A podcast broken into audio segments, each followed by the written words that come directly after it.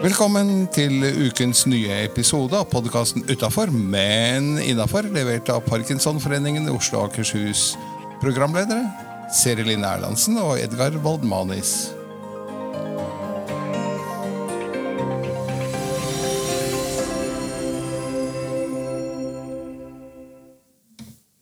Hei, jeg heter Seri Linn, og ved min side så har jeg Som vanlig, Edgar.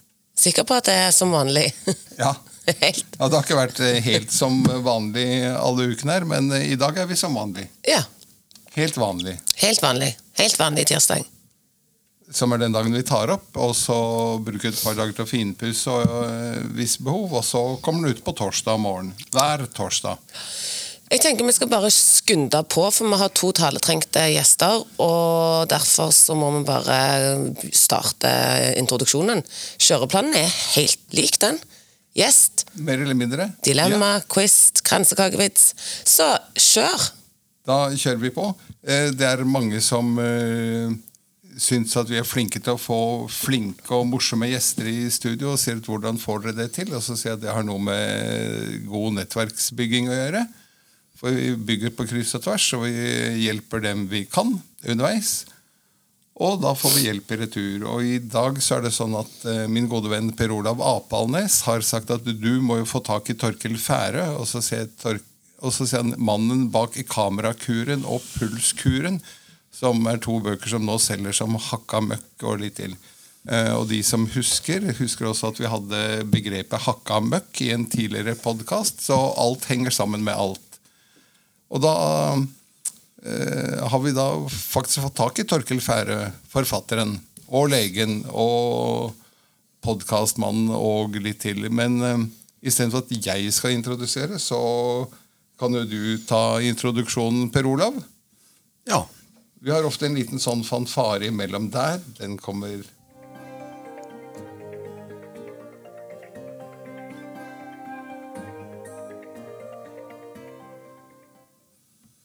Per Olav Apalnes introduserer eh, Hei, doktor hei, Torkil Færø. Hei, hei. Hyggelig å se deg også, Serilin. Edgar har jeg jo kjent veldig lenge, siden han var nettverkskonge. Nå er jeg jo mer opptatt av relasjoner. Relasjoner syns jeg er et hyggeligere ord enn nettverk, egentlig. For det høres så mekanisk ut, egentlig. Men Ja, eh. Torkel, han eh, kjøpte jeg boken 'Fotokuren' av. Og så møtte jeg han in persona på en Morten Krogvold workshop i 2020. Og senere har jeg gått på workshop hos eh, Torkel. Og eh, sist vi møttes, var på en fotoworkshop på Cuba i eh, år. Januar Oi, i 2023. derfor du er så brun. Det er derfor, ja, det er gått en liten stund siden det. Men iallfall, eh, foto er min hobby. Og jeg har alltid hatt gadget, så jeg hadde jo en Apple Watch da, som jeg har drevet med, mens eh, Torkel driver jo stort sett med Garmin. Han skal prøve litt forskjellige ting. da. Og jeg er alltid nysgjerrig på dette her, så den gamle Apple Watch 3 den eh, målte alt ganske bra. Men etter å ha lest Pulskuren så fikk jeg litt dilla, og så kjøpte jeg en Apple Watch Ultra. Og eh, gadgeten har liksom tatt litt overhånd, men det morsomme med dette til Torkel er jo at når jeg leser dataene, så stemmer det veldig godt. Og de 14 dagene jeg var på Cuba, så var jeg skikkelig, skikkelig dårlig. Og det var en som ble enda dårligere enn meg, som fikk hjertestans på workshopen, men han ble reddet av Torkel. Så jeg har stor tro på Torkel, og det han farer med, det virker veldig skikkelig. Dette er skikkelig. verdens lengste introduksjon av en gjest. Ja da, men du kan klippe etterpå, vet du. Jeg har nettopp klippa håret mitt òg. Så veldig hyggelig. Nå skal jeg holde kjeft og overlate ordet til Torkel. Og det vi er nysgjerrig på, er jo dette med pulskuren spesielt. Og ikke minst da, hvordan henger det sammen med parkinson? Eller hvordan kan vi se noe av nytte for oss som har parkinson-diagnose, og hver dag våkner opp og tenker at kanskje noen i dag har funnet en kur. Kanskje. Ja. Nei, Pulskuren er altså en bok eh, som dreier seg om hvordan du kan bruke hjerterytmen for å vurdere det autonome, grunnleggende nervesystemet. Eh, hvorvidt du er i stressmodus, eh, som Per Olav var på Cuba, og som da i en slik stressmodus gjør det vanskelig å fotografere og ta gode bilder. Eh, for det har noe å si med den kapasiteten du har i øyeblikket, da, det stressmoduset. Eh, og mm, det det går på, er at når du puster inn i rolig avslappet modus, så vil hjertet raske på litt for å utnytte det momentet at det er mye oksygen i lungene. Og når du puster ut, så vil hjerterytmen roe seg litt for å spare litt på kreftene. Og hvis du er i stressmodus, så tolker gjerne det som at ok, nå er det fare på ferde, eller nå står det om livet på et vis. da. Og vi må også utnytte den perioden hvor det er lite oksygen i lungene. Så da slår hjertet mye jevnere som en klokke. Og nå med de moderne pulsklokkene så klarer vi å oppfatte disse variasjonene i millisekunder, og dermed få en tall på stresset i øyeblikket, og også oppsamlet gjennom dagen. Og da klarer man også å oppfatte hva er det som tapper energi eh, fra, fra kroppen. og, og, de fysiologiske kreftene. Kroppsbatteriet, som jeg snakker om i pulskuren. da. Og det er også sånn, for det er jo interessant Når du spurte meg om jeg ville være med på dette her med parkinson, så vet jeg at omtrent alle sykdommer er kobla til heart rate variability. Så jeg vet at når jeg da googler parkinson pluss heart rate variability, så dukker det opp en liste så lang at da Så, så god tid har jeg ikke. Eh, men eh, da ser jeg at det er nært kobla til parkinson, og også et tidlig tegn på parkinson. Hvorvidt det er en av årsakene til det. ikke sant? Høna eller egget, cause and effect, det eh, vet man jo ikke. Men det at eh, pulsvariasjonen er dårlig på tidlig stadium i parkinson, og til og med før det utløses, kan tyde på at det er en faktor i utviklingen av sykdommen. At de Eh, F.eks. dårlig søvn er noe som vil gi dårlig pulsvariasjon, og som også er en, en, risikofaktor for parkinson. At man har sovet dårlig og også sover dårlig med parkinson. Jeg leste at det var vel noe i noen undersøkelser snitt på fem timer og sånt nå, som folk hadde um, sovet. Um, uansett eh, så kan det være veldig nyttig for de med parkinson å oppnå en så god pulsvariasjon som mulig innenfor de rammene som da er. fordi at da har man en dårligere eh, heart rate variability gjennom sykdommen. Men også innenfor der jeg være, er jeg ganske sikker på at det er spillerom, slik at jo bedre pulsvariasjon man klarer å få tak i, jo bedre balanse i det grunnleggende autonome nervesystemet, jo bedre vil man føle seg. Jo mer sjanse har kroppen for å rydde opp og gjennomføre de prosessene som immunforsvaret jobber med, og som det på en måte trenger Eh, mye kan du si, eh, Det koster mye energi å drive, drifte immunforsvaret. Ja. Men hva er pulsvariasjon? Altså Hvordan oppnår en pulsvariasjon? Det er når, det, når man er avslappet i restitusjonsmodus, så vil hjertet da tillate seg å roe ned pulsen på utpust. Og da, i den tilstanden, det er da restitusjonen skjer. Det er da kroppen setter i gang sine prosesser for å, å rydde opp etter på en måte anstrengelsene. Men det du sier, er jo at dette er stikk mot det jeg trodde var sunn fornuft. Jeg trodde det var fint å ha helt jevn hjerterytme. Mens det du sier, er jo at man skal ha ujevn hjerterytme. Ja, ja, og det trodde vi leger også før, faktisk. At en jevn hjerterytme var, var, bra. At det var liksom en arytmi. Eh, man kaller det jo sinusarytmi, f.eks. Eh, man hører veldig godt på barn. Så når jeg lytter på barn, så må jeg nesten flire, for da er den på hjertet på barn, for da er den så utrolig tydelig, den effekten eh, i variasjon. da. Men det er jo noe som disse antikke legene ikke sant, i Hellas og Egypt og Kina brukte som en, et eh, av de målene de hadde på, på kroppens tilstand. Da. Så de visste at, eh, at, pulsen skal bevege seg som en bølge, gå fort opp, og så sakte ned, og så fort opp, og så sakte ned. Og når de kjente det på pulsen, så visste de at her er en, en organisme i, i balanse. Ja. Så, eh, Litt tilbake til deg som person, før vi snakker oss bort i bare diagnoser og, og sykdommer. Mm. Eh, du er jo lege selv mm. i bunnen. Hvor mange år har du praktisert? 25 år blir det snart. da. Jeg var ferdig i 98. Eh, på slutten av 98, så, så det blir, i løpet av året blir det 25 eh, år. Ja. Så da blir det kake? Ja, det veit jeg ikke. Da må jeg kjøpe den sjøl.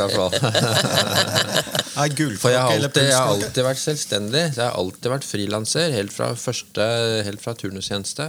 Så eh, jeg har jobbet rundt over hele landet. Jobba i over 30 kommuner fra Kristiansand til eh, Kautokeino og fra svenskegrensa ut til eh, Ytterstøya i Solund. Det er så spennende, da. Fra, ja, ja. Ja. Så, så, og det, det liker jeg. Og, og, ja, og, og se den variasjonen fra fjord og fjell og, og også byer. altså Jobba på Bærum legevakt med høy turnover og, og mange pasienter. Og, og i grisgrendte strøk hvor du kanskje har én pasient i løpet av vakta.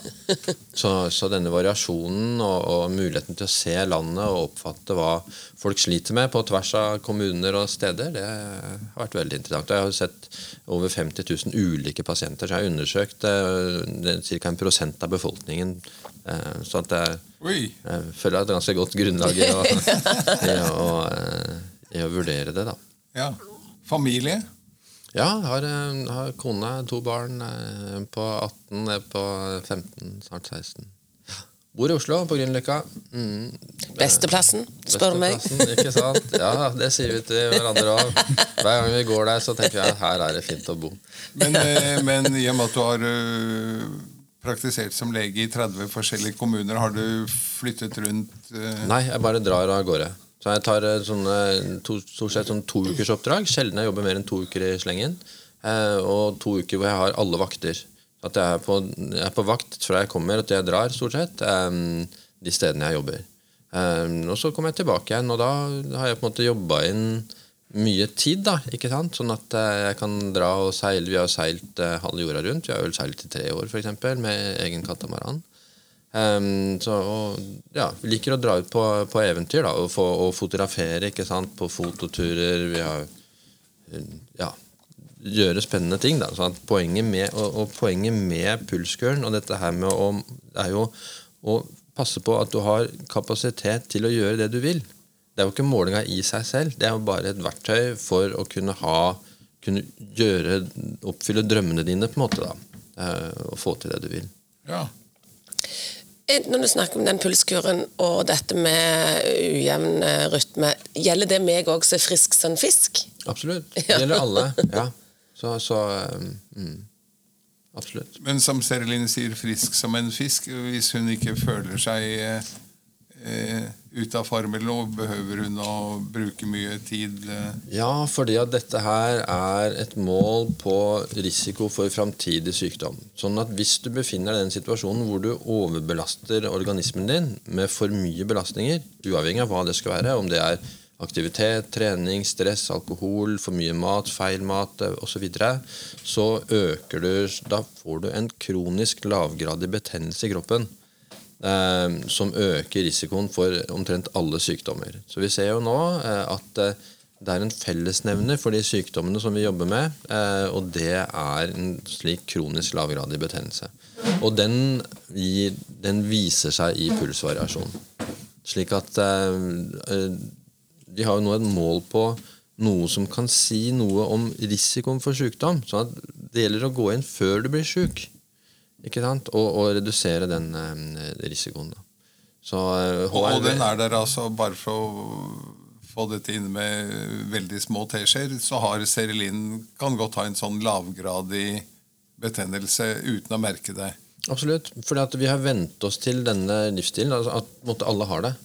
I en eller annen grad. Altså, altså Vi lever såpass annerledes enn det kroppene våre og hjernen vår er konstruert for. At det skaper eh, omtrent hos alle en eller annen grad av, av betennelse. Det vil nok eh, Altså det antallet, Hvis jeg skulle anslå det antallet som er i en, en optimal balanse i dette systemet, så er hun nede i 10 Mitt anslag av, av det jeg kan eh, oppfatte. Eh, 10 av befolkningen. Altså som, Som er en, som, er en, som, som naturlig klarer å leve i en optimal balanse med aktivitet og restitusjon. Sånn som vi er konstruert Mens for. de andre 90 har En eller annen grad av kronisk eh, inflammasjon. 80% av de, syk, de regner med at 80% av de sykdommene vi behandler, har sitt grunnlag i en kronisk inflammasjon som vi ikke hadde trengt å ha. Så hadde vi levd bedre, og da snakker vi da disse søylene på en måte i pulskuren, jeg kaller de etapper, på søvn, hvis du har optimal søvn, hvis du har optimal bevegelsesmønster, eh, tilstrekkelig i løpet av gjennom dagen, og med tilstrekkelig med intensitet eh, jevnlig, eksempel. Eh, hvis du passer på å hvile innimellom på, på dagen, om det er powernap eller meditasjon eller pusteøvelse, eller hva det skal være, at du har en evne til å roe ned systemet når du trenger det. Og, ja, og i tillegg kosthold. At du ikke spiser ultraprosessert eh, mat, i hvert fall i minst mulig grad. Det er jo nesten umulig. 60% av det som selges over disk, er jo ultraprosessert mat. Og ikke minst at du spiser i et mindre spi spisevindu. At ikke du spiser liksom hele den våkne tiden, sånn at tarmene og fordøyelsessystemet ikke får hvile og får gjenopprettet eh, funksjonen sin. Dette med, at Du tenker litt på sånn faste eller korttidsfaste? Faste, mm. intermittent periodisk faste og tidsbegrenset spisevindu. Og ikke minst alkohol og, og, snus og slike ting, som også viser seg å være en betydelig stressfaktor. Så det i forbindelse med boka så hadde vi en gruppe på 200 personer som gjennomførte, og nå på pulskuren.no så er det vel 1000 personer ca. Så jeg ser jo kurvene til mange og mottar spørsmålene fra mange og folks erfaringer. Og, og, og spesielt alkohol er jo, er jo helt er, håpløst. Men hva er det med snus og alkohol som øker stresset mye? det stresser organismen. Det gir sånn at det er alkohol, og det det som er så spesielt med alkohol. da, er at det, det, kjennes rolig. Så alkohol utløser GABA, eksempel, hjernen, som er beroligende.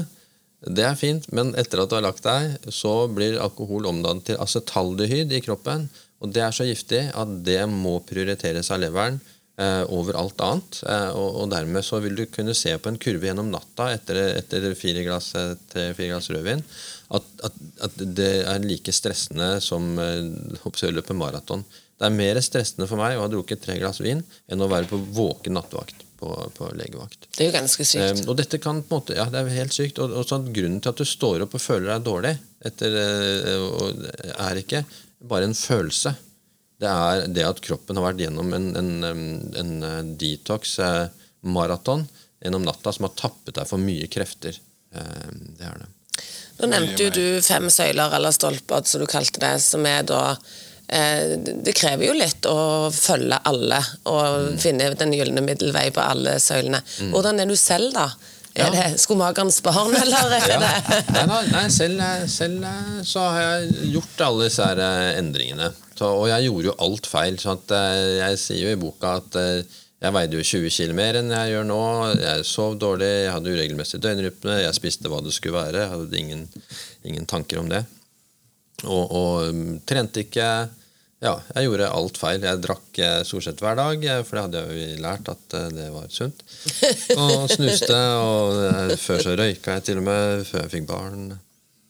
Jeg har liksom gjort alle, alle feilene i boka, da, bokstavelig talt. Og, og, grunnen til at jeg endret meg, var jo at, at faren min ble sjuk og, og, døde i løpet av tre måneder.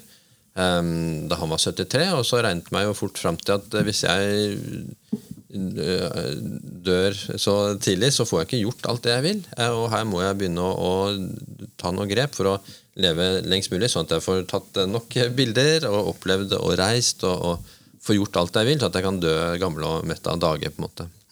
Sånn at eh, For deg da, som, eh, altså for en med parkinson og begynner, vil lese denne boken og begynne å gjøre disse endringene, hvordan merket du forskjell?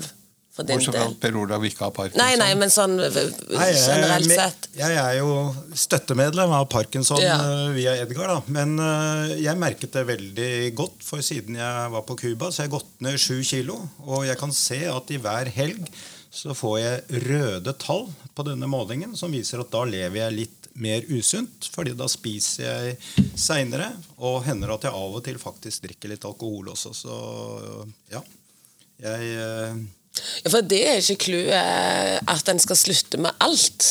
Nei, du skal bare vite, vite om hva det koster. ikke sant? Slik at Hvis du tenker at eh, ok, dette, disse to glass med vin hadde jeg ikke tenkt å ha, jeg kan heller ta en kopp te i stedet, så vet du at ok, da våkner jeg uten å slite ut systemet over natta. Og er det liksom 50-årsdag eller 60-årsdag eller bryllup eller en eller annen anledning med gutta, ok, men da tar du den på en måte, fysiologiske regninga. Så det gjelder mer å, å, vite hva en viss belastning koster, og hva en viss eh, avlastning gir deg. da. Men, Men eh, du sa 'koster'. Altså For det første så må vi da kjøpe middag en bok i, i, som i går koster um, Ja, den, eh, man kan til og med, hvis man har veldig tålmodighet, kan man låne på biblioteket, men jeg tror det er sånn ett års ventetid, faktisk. ja. Men så i tillegg til det Men- så må man ha en klokke som eh, og fornye den en gang årlig, sånn som Per Olav gjør. Med det siste av gadgets og målinger. Nei, I prinsippet, og det var redaktøren i Cappelen eh, nøye på, at, at eh, boka skal kunne leses og brukes uten noen form for måling. Så at du kan gjøre de tingene, de rådene som de som har målt, har funnet ut er best. da Okay. og, og bare gjøre det. Men det er klart det er mye lettere når du har disse målene. Og, og de billigste klokkene for eksempel, til eh, Garmin som er brukbare, koster jo rett over tusenlappen. Og leter du etter dem på Finn, så får du dem har jeg sett ned til 500 kroner.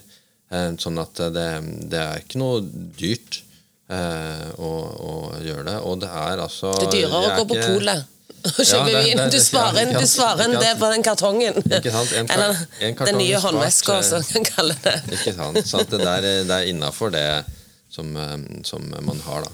Så, eh, og man oppfatter jo lett eh, disse belastningene. Sånn som i går, så var det sen pizza. Da spiste ikke jeg sen pizza, for jeg visste at hvis jeg gjør det, så er jeg redusert her i dag. Ikke sant? Og jeg har også en lang dag eh, foran meg. Så det kunne ikke jeg gjøre, men, men resten av familien spiste der. Og, og de har også Garmin-klokker, og ser jo at de er Det har vært stress langt utover natta eh, som tapper dem. Og så tenkte jeg ok, jeg har ikke, jeg har ikke kapasitet til å spise den pizzaen seint, selv om den ser veldig god ut. Eh, Så da spiste jeg noe granola og, og et par knekkebrød med noe laks i stedet. For at jeg vet at det, det, det tåler jeg fint. Mm. Jeg tenker jo jeg, kunne, jeg skal gjerne kjøpe boken og bli enda mer inspirert, men jeg kunne ikke hatt klokken, for jeg hadde fått oppheng, og så hadde jeg gått og sjekka og stressa. Så jeg tror vi er forskjellige. Ja, men det, det er en veldig Det er fint du tar opp, for det er en veldig vanlig bekymring, og som eh, har vist seg å være grunnløs. For at de som eh, gjør det likevel, eh, og som bruker det, ser at de, for det første så er de ofte bedre balanse enn de trodde. Og de ser at de har en større påvirkning på det autonome nervesystemet enn de kanskje fryktet. da.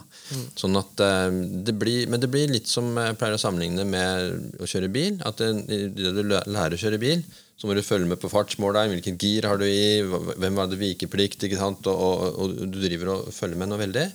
Og etter eh, forholdsvis kort tid så, så kan du sitte i egne- tanker og snakke i telefonen og, så videre eh, mens du kjører. Sånn at eh, det er mulig at det kan være en litt stressende innkjøringsperiode, men, men, det som, men folk syns det er moro. Folk syns det er, gøy eh, også. Sånn at eh, det er en, nesten ingen som i hvert fall har fortalt til meg at, at de har blitt sånn som du frykter der. Da. Sånn at tvert imot så, så har de liksom sett at jøss, dette er jo bare moro. Eh, Ja, for da blir det en forskjell. For jeg har jo klienter som har hatt Apple Watch, som jeg har fått de til å ta av Apple Watchen fordi det lager uro og stress. Akkurat å komme på det med stress, fordi de får jo De dirrer jo på hånden hele tiden. Ja, ja. Så det kan du skru av. Ja. Kan, så du kan jo skru av hvis du ikke vil ha notifications, hvis du ikke vil ha varsler. Så skrur du jo av de, eller, eller regulerer sånn at du bare får de varslene du vil ha. For når snakker om, Du har snakket om alkohol og mat og de tingene som en kan styre, og søvn. Men sånn som livet sjæl, da, når stresset setter inn, eller angsten om sykdom, eller eh, ting som en ikke kan styre på samme måte, hva er det en anbefaler da? Da, altså man, for det første, man skal stresse. Man skal belaste seg. Eh, Vi er etterkommere av eh, forfedre som var veldig gode på å stresse og ta de belastningene som kom, eh, over lang tid. Ikke sant? Store tørkeperioder, store kriger, de stammer vi fra. Så at Stressystemet vårt er lagd for å gå høyt opp i stressnivå over en del tid, men så må det ned. Um, sånn at det er det å finne den balansen som er viktig. Så stress i seg sjøl, til og med stress vi ikke har kontroll over, det er også bare bra, faktisk. Det fins på den måten ikke godt og dårlig stress. Det er ikke dårlig stress om det kommer en, en, en sykdomsperiode, om det kommer en, en stor belastning, familiær eller, eller jobbmessig, eller hva det skulle være. Um, det tåler vi godt, um, og det kan vi vokse på. Eh, Men vi må kompensere i ettertid eller underveis. Prøve å regulere det vi har muligheten til å ta kontroll over. Og dette er jo også en av oppgavene i kamerakuren som, eh, som Per Ola refererte til. Dette med å ta kontroll over det du kan kontrollere, og slippe det du ikke kan kontrollere.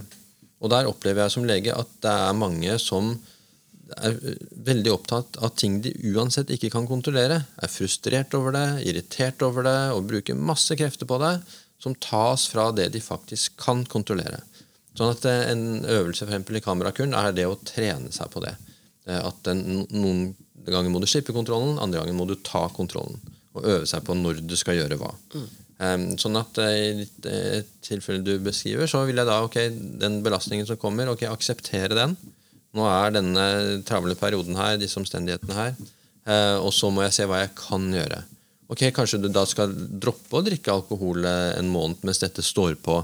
Ikke sant? Passe på ikke spise etter klokka, etter klokka sju. Passe på å få den søvnen du kan trenge. Passe på å puste innimellom rolig. Sånn at eh, mellom, kanskje Hvis jeg sier at du er lege, da, mellom to pasienter, ta ett minutt og pust rolig. Ned mot seks pust i minuttet, som roer nervesystemet. Er, og, eller kulde. Kulde er jo supereffektivt. sånn at det, Jeg ser at en del av disse greiene ved organismen vår, som er eldre enn da vi ble mennesker, ikke sant? enda eldre enn det, eh, de eh, virker fortsatt.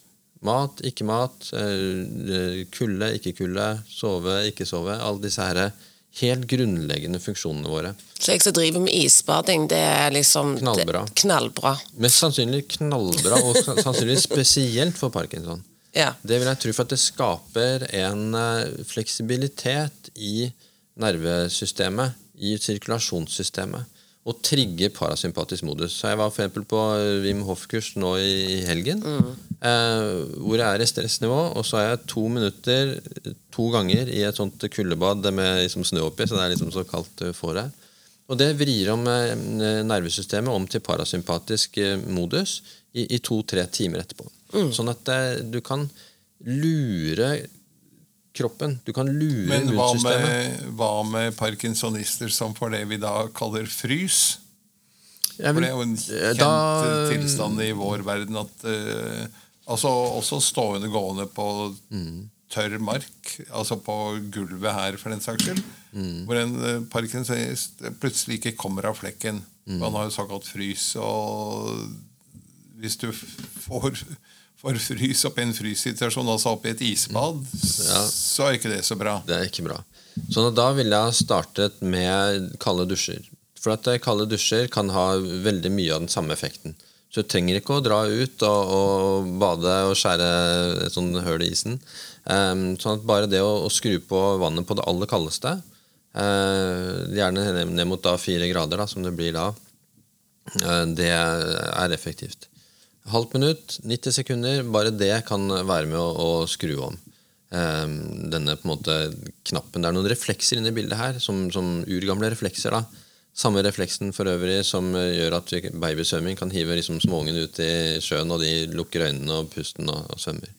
Um, sånn at um, Det er en del eh, ur, urmekanismer i sving. da. Det er sånn at uh, Der vil jeg kanskje startet med 15 sekunder iskaldt vann, og så en uke, og så 30 sekunder, og så sett hva. Da vil du gjøre kroppen din eh, motstandsdyktig på en måte mot kulde. Du vil få en kuldetoleranse. Nå som vi lever så, så komfortabelt, da. Prisen for at vi lever så komfortabelt, både med mat, at vi spiser bare vi er sultne, eh, og vi eh, tar på oss og har i 22 grader, den prisen eh, er forholdsvis høy da, i, i fysiologien vår, da, som, som tapper oss for krefter. Sånn at de, eh, det er Veldig smart det med isbading. Og det vil nok se, det for eksempel da, Når du hadde sett det på klokka di, ikke sant? Ja. så vil du si at dette er jo kult. Det må jeg fortelle til venninnene Ja. mine. ikke sant? Og Tro meg, ja, ja. Ikke sant? Sånn, det, det, det er det som mest, Ja. Det er mer sannsynlig at det ville skjedd, enn at du liksom bare ble Ja. irritert og ville hive den. Ja. For å galoppere litt videre i kjøreplanen eh, her eh, Jeg tenker vi kunne sittet her lenge. Det ligger også en podkast ute hvor du holder på i to og en To og halv en halv time. time. Ja. Hva heter podkasten? Den heter Henrik Beckheim podcast. Det var den siste. Og så kommer det neste, eller sånn, snart kommer den med Bjørg Toralsdottir, som er på 15 minutter. Så det er forskjellige. Så hvis vi jeg søker på navnet ditt inne på podkaster, Ja, så vil det komme mye. opp det du har vært med på? Ja, Ja. Både, både på kamerakuren og pulskuren. Ja, så flott. Men et spørsmål, et standardspørsmål til gjestene våre. Hva ville du blitt hvis du skulle blitt noe helt annet? Da ville jeg nok eh, blitt en sånn eh, reisende fotojournalist, eh, vil jeg tro. Og litt sånn jack of all trades. For at målet mitt egentlig med å bli lege var ikke Jeg var ikke opptatt av helse. Jeg var opptatt av å leve et fritt liv hvor jeg kunne jobbe over hele verden. Og så fant jeg ut at ja, folks kropper og helse er jo lik over hele verden. sånn at da sto jeg fritt. da. Sånn at alternativet ville faktisk vært å være fotojournalist, tror jeg. Ja. Og hva er det bare et fåtall vet om deg? En såkalt Mm. fun fact? Ja, En såkalt fun fact, ja, det prøvde jeg å tenke på, for jeg hørte på en podkast. Og da fant jeg ut at jeg har vært på Jeopardy. Nei, det er gøy! Ja, det Det så jeg hver dag etter skolen i sånn Ja. reprise. Og, egentlig jeg, jeg vant en gang, og så tapte jeg neste gangen. Og egentlig så er det er litt morsomt, for det er egentlig starten på alt det jeg har gjort eh, etterpå. Ja. Sånn at du kunne egentlig på mange måter trukket akkurat den tingen ut. Og nesten ikke noe av det som har skjedd etterpå, som jeg holdt på med, ville skjedd. For, at, for at jeg brukte faktisk de pengene som jeg vant, da på å bli med på en Morten Krogvold-workshop. Og, og da snudde jeg liksom rundt eh, omkring på alt. Ja. Sånn at omtrent eh, Så hadde du ikke vært med Jeopardy, så hadde du ikke sittet her i dag. Riktig, og det var den mest nerdeste tingen å, å yeah. gjøre. på en måte Og jeg gjorde det av et eh, Og det er nok et prinsipp som jeg alltid har hatt, å gjøre det vanskeligste. Eh, For at jeg var, tenkte at det er veldig skummelt å være på TV, tenkte jeg. Og på den tiden så var egentlig Jeopardy eneste muligheten hvis du på en måte ikke Hvis du var en vanlig person, så var det den eneste muligheten til å gjøre noe så skummelt som å være på TV. Og så yeah. visste jeg at jeg var jo ganske god i, i sånne faktagreier, da. Eh, Sånn at jeg meldte meg nå på og, og var nå der og, og hadde, det, hadde det moro. Og så førte det til en, en, en endeløs rekke av, av ting, da. ja. Det var en gøy fun eh, fact. du har også med deg dagens ord. Mm. Ja, jeg, um, jeg vil si at altså, Litt sånn motto, sier du. En sånn livsmotto. Og det er på en måte for meg er 'lev ditt eget eventyr'. Det er mitt uh, livsmotto. Uh, at uh, du må prøve å få mest ut av livet ditt, eh, og, og du er jo så mye du kan eh, gjøre, så mye du kan oppleve. Eh, og det er det. Og det syns jeg er veldig fint. Og så tenker jeg at det er viktig for lytteren å vite at det er jo ut ifra ikke dine eventyr, men, men ut ifra sitt eget Sitt ståsted, og hvor en er, og hva en har mulighet til. Ikke sant? Man må starte Ja. der man er, se hva er det muligheter til gitt dette utgangspunktet. Mm. Ikke sant? Eh, Sånn at eh, det, det, det vil alltid være altså, og, og, og det å akseptere det, En av de første oppgavene i kamerakuren er å akseptere det som er. Eh, Sånn at det er jo sagt eh, jeg mener det er Carl Rogers, en psykolog, som har sagt at eh, 'accept what is, and what is changes'. Sånn at eh, Det gjelder å starte med at ok, jeg har dette utgangspunktet, disse omstendighetene. Hva kan jeg få ut av dette? Sånn at Det vil gjelde, tenker jeg, uansett eh, hvor man er. da. Det vil alltid være ting man kan lese. altså jeg kunne godt, eh, Du kunne godt dømt meg i fengsel i 20 år. altså. Ja, for du kunne bare stått og lest. Jeg kunne bare sittet og lest. Da, Ja, tenkte jeg, ok, men da får jeg bruke dette, resten av dette livet på Ja. å lese alt som fins. For en mulighet, på en måte. Ja. Eh, ikke sant? Det er, sånn at eh, det, er, det er alltid muligheter. Eh, og det, du, du vil alltid kunne se etter ting som er gærent. Du vil alltid finne det. Du kan, se, du kan dra opp til Himalaya liksom, og, og, og, og klage på maten. liksom. Og, og, og jeg har på, jeg har vært skipper på egen båt da, med chartergjester som, som klager på ting i Karibien, liksom på, på, på båter hvor de har bada hele dagen, og så er det en liten ting som ikke de er fornøyd med, og så er, de bare sure. Sånn at, eh, sånn at eh, Ja, og det som er så fint, er at eh, uansett eh, så kan en snu på alt som er negativt, og noe positivt òg. Sånn at det er måten du tenker om Ja. det på, Ja. er måten en har det på. ja, ja. Ja. Det, er måten, det, er ikke, det er ikke hva som hender med oss, det er, det er hvordan vi tar det. Eh, Enkelt, og, enkelt og greit. Sånn at, så at eh, min, min, min yndlingsformel da, jeg må bare få det, det er hendelse pluss respons er lik utfall. Sånn at utfallet avhenger av responsen da, på den hendelsen. Da. Så, mm. Ja. Vi kommer stadig tilbake til den der i ulike tapninger. Det er Ja. ikke hvordan du har det, men hvordan du tar det. ja. Da har vi kommet til ukens dilemma. Ja, det syns jeg passer veldig bra, fordi ukens dilemma er alltid litt for varm, eller alltid litt for kald. Og Det kan dere få lov å drodle på. Du kan være med, du òg, Per Olav. Hva tror du du ville valgt, og hvorfor? Jeg ville valgt alltid litt for kald, ut fra hva vi har hørt her i dag, med isbading og den slags. For det å sitte i badstue det er noe av det verre, jeg syns. Og det å være på varme strøk det sliter meg mer enn å Være litt, litt kald, litt frysen. Så du ville nå sittet her inne og vært litt frysen? Ja. Eller liten svetteperle på ryggen? eh, litt frysen. Og så kan jeg eventuelt kle på meg, men når det er varmt, så, har, så er det grenser for hvor mye du kan kle av deg. Kanskje en er litt mer skjerpa òg når en er litt kald. At når en er varm, så blir hjernen mer. Men det kan vi jo høre med legen om etterpå. Ja, At eh, kulde skjerper og varme dø- dø- døyver. Ja, hode, ho, Ja. Holde hodet kaldt, er det ikke en sang som heter det? Jo, stemmer det. I hvert fall et ordtak. ja. Hva du, Edgar, eh, ville valgt? Eh, Jeg ville gått stikk motsatt og sagt uh, alltid litt for varm. Alltid litt for varm. Og det er fordi du er en litt sånn behagelig varm type? Ja. Ja. Så må høre med legen. Hva ville han valgt? Ja, før ville jeg nok svart eh, varm, eh, og nå ville jeg svart kald. Og det, det må Alltid du gi en litt for begrunn kald. Det er fordi at det ser jo at varme, som Per Olav sier, det er et stress. Eh, du- Både jeg håper å si, i korte øyeblikk der hvor du sitter på bussen og har på deg en varm jakke, ikke sant? Eller, eller hva som helst, men også spesielt hvis det er varmt eh, ute.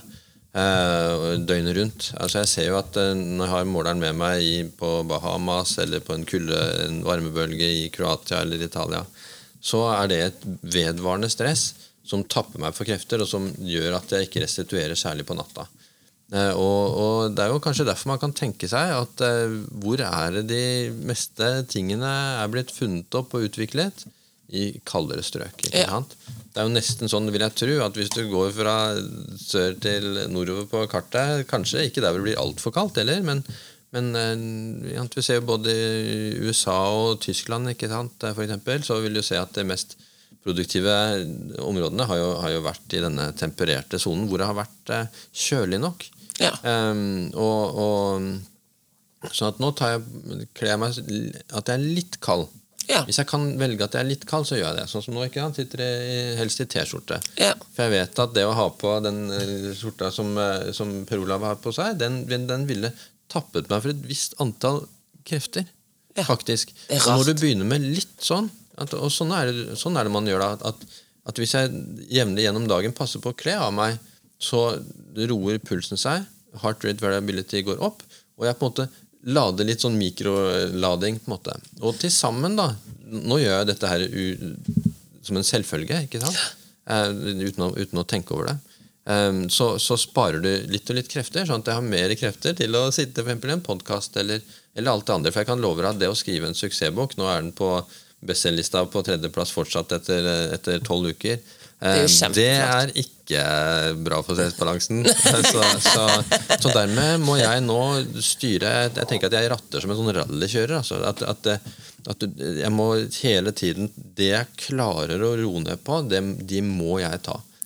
Jeg tenkte på en ting som jeg ikke må glemme, og det var det med Du snakket noe om kaffe. Jeg bare tenkte du nevnte i forhold til parkinson og sånn. Hva var det du mener om kaffe? For jeg, jeg trodde de lærde strides om hva som er sunt eller usunt med det. Ja, De lærde strides jo alltid. Det er vel det de liker best å holde på med, tenker jeg. Men uh, i hvert fall uh, Whoop, da. eh, W-H-O-O-P.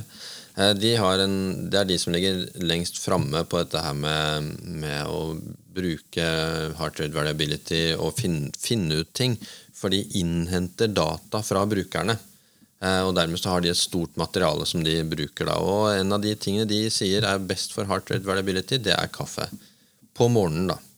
Eh, ikke på kvelden. Og en passe riktig dose. De mener en fire-fem tre-fire-fem kopper. Det, utover det så har de ikke noe gode tall, men det gjør at du starter morgenen og får, kommer i gang eh, tidlig. Eh, så mest sannsynlig kan det være den effekten. Eh, som, som eh, gjør deg i stand til å yte i løpet av, dagen. Da Kaffe er jo det som oppsier 95 eller noe, og det er en voldsom mengde som drikker det. ikke sant, worldwide, så at det, er jo en, et, eh, et stimuli, eh, og som setter dagen, på en måte. Så at samme, Det er viktig å få lys på morgenen eh, for å sette døgnrytmen, men kaffe er også en sånn metode for det. da. Og det kan du drikke selv om du har bestemt deg for å faste og ikke spise frokost før etter klokka tolv. Ja. Så, kan du, så det kombinert med kaffe kan være veldig bra. Ja. Ja, Og det mener du til og med med parkinson. Ja, det vil jeg tippe kanskje spesielt med parkinson. Og det er i forhold til at ikke de, det, Da forstyrrer du ikke maten i forhold til opptak av tabletter og medisin òg, da, eller? Ja. Um, sånn at, og medisiner Det er også sånn Da ville jeg nok tatt medisinene, men um, jeg vil nok tippe mest at det viktigste er at maten At tarmen ikke må fordøye ting. Ja. Det tenker jeg nok er, er det viktigste. For at de de regner med at en opp mot 10 av, av cellene i tarmene må enten repareres eller skiftes ut i løpet av, av en dag. Og en del, altså en ganske stor del av avføringen er celler uh, som, som, som, må ut, og, og, da nye som må settes på plass. Og, og tarmene er så sårbart organ. Da. Det er én celle fra tarminnhold til blodbanen. Ja. Ikke sant? Så egentlig er det å, betrakte som et åpent sår. Sånn at vi heller hva som helst oppi det hullet. på en måte. Det, jeg tenker liksom Det er som på havet. at Vi har, vi har hivd ting på havet. Det forsvinner ut av syne. Og sånn er det med, med tarmen òg. At vi spiser maten, og så forsvinner den ut av syne. Hele tiden kommer til syne. Da, jeg håper å si, en annen form. De, altså en annen form. Eh, men det som skjer mens ikke vi ser den, det er så, så viktig, da. Så, mm. Vi eh, skal ha ukens quiz.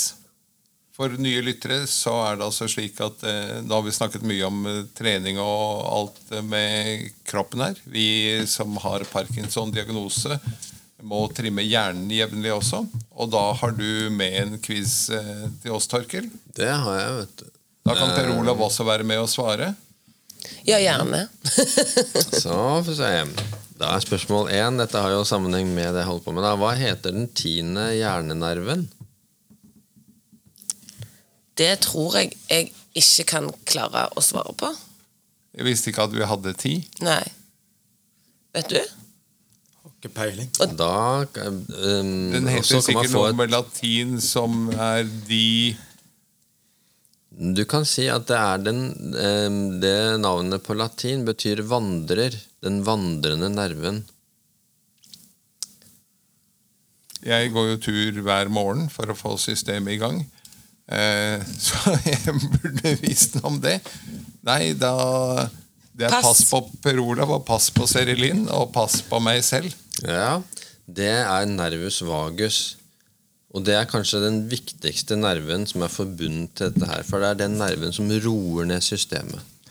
Sånn at den nerven heter vagus. og Det er det som er, er roten i vagabond den vandrende nerven. For den går, ja, ja, den går ut fra, fra hjernestammen og går ut og slipper av, av um, deler til de enkelte organene i kroppen. Så den går inn og nedregulerer organene og nervesystemet og adrenalin og alt dette her, roer ned. Mens den andre delen av nervesystemet, sympatikussystemet, aktiverer. da. Så nervus vagus, det er nerven å ta kontroll over. Da har vi fire muligheter igjen til å score poeng i dag. For dette var jo blank null på Neste spørsmål er og, og, og, det er det som også er interessant. For at før jeg ble oppmerksom på hvor viktig det er autonom... Nei, nå skal jeg jo ikke si det, for det er jo svar. Er, nå sa jeg bare Spørsmål nummer to. Hva heter det selvstyrte nervesystemet? Autonome nervesystemet.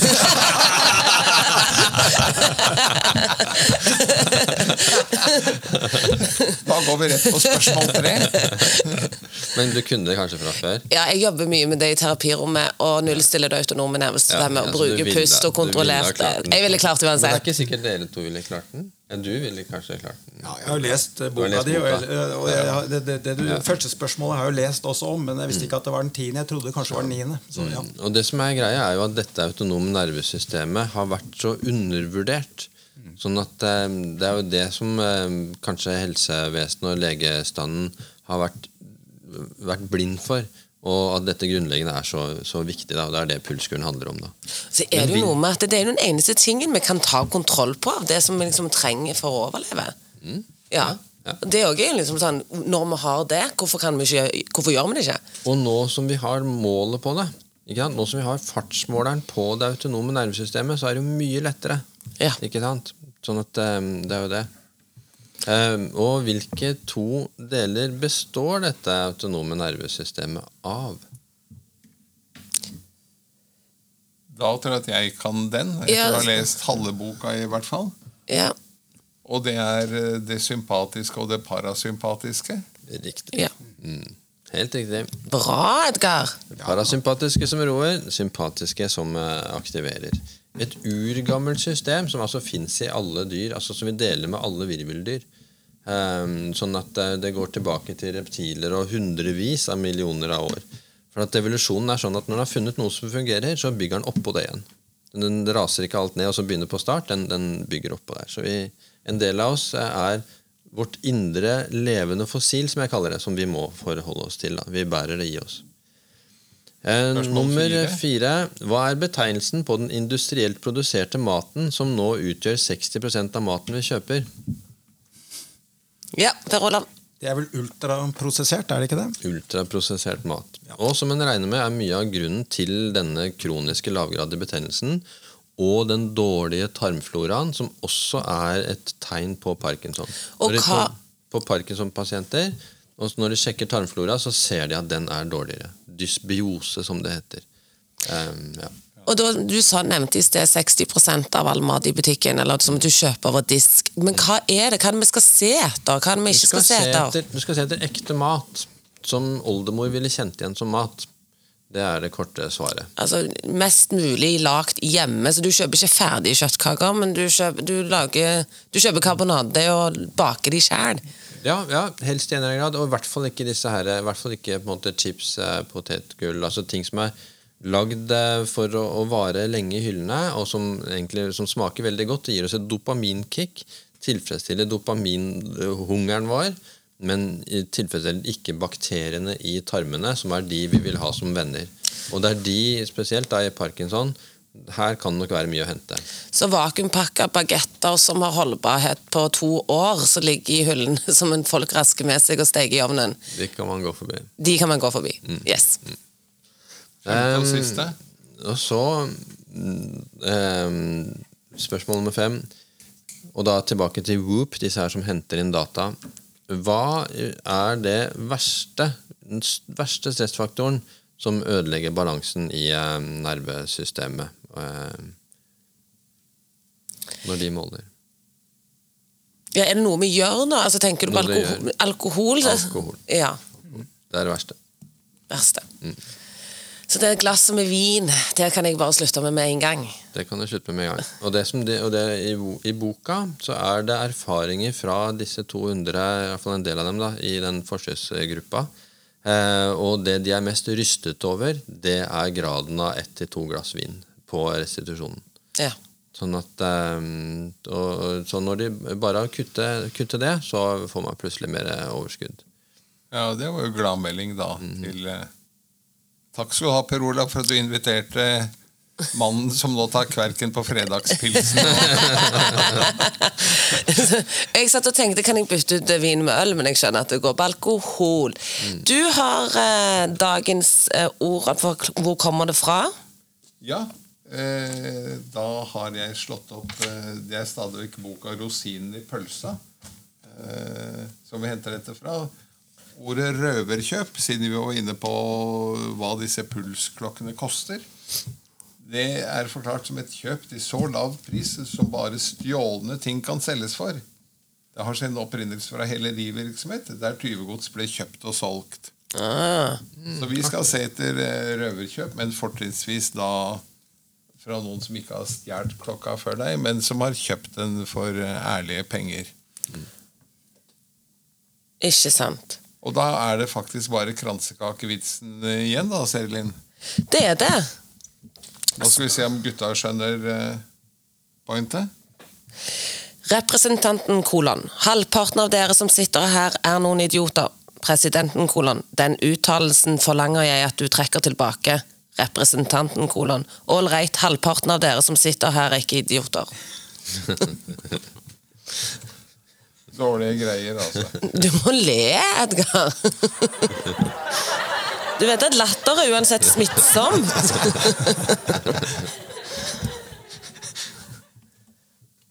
Ja. Med det så er vi faktisk i mål eh, denne uken òg. Det har vært eh, veldig lærerikt. Veldig. Tusen takk for du kom. Takk og tok deg tid. Jeg regner med du er en travel mann. Ja, Så setter jeg veldig pris på. Mm, takk for at vi kom med. Det var alt vi hadde i denne ukens episode av podkasten Utafor, men innafor, levert av Parkinsonforeningen i Oslo og Akershus. Og programledere var Serilin Erlandsen og Edgar Waldmanis.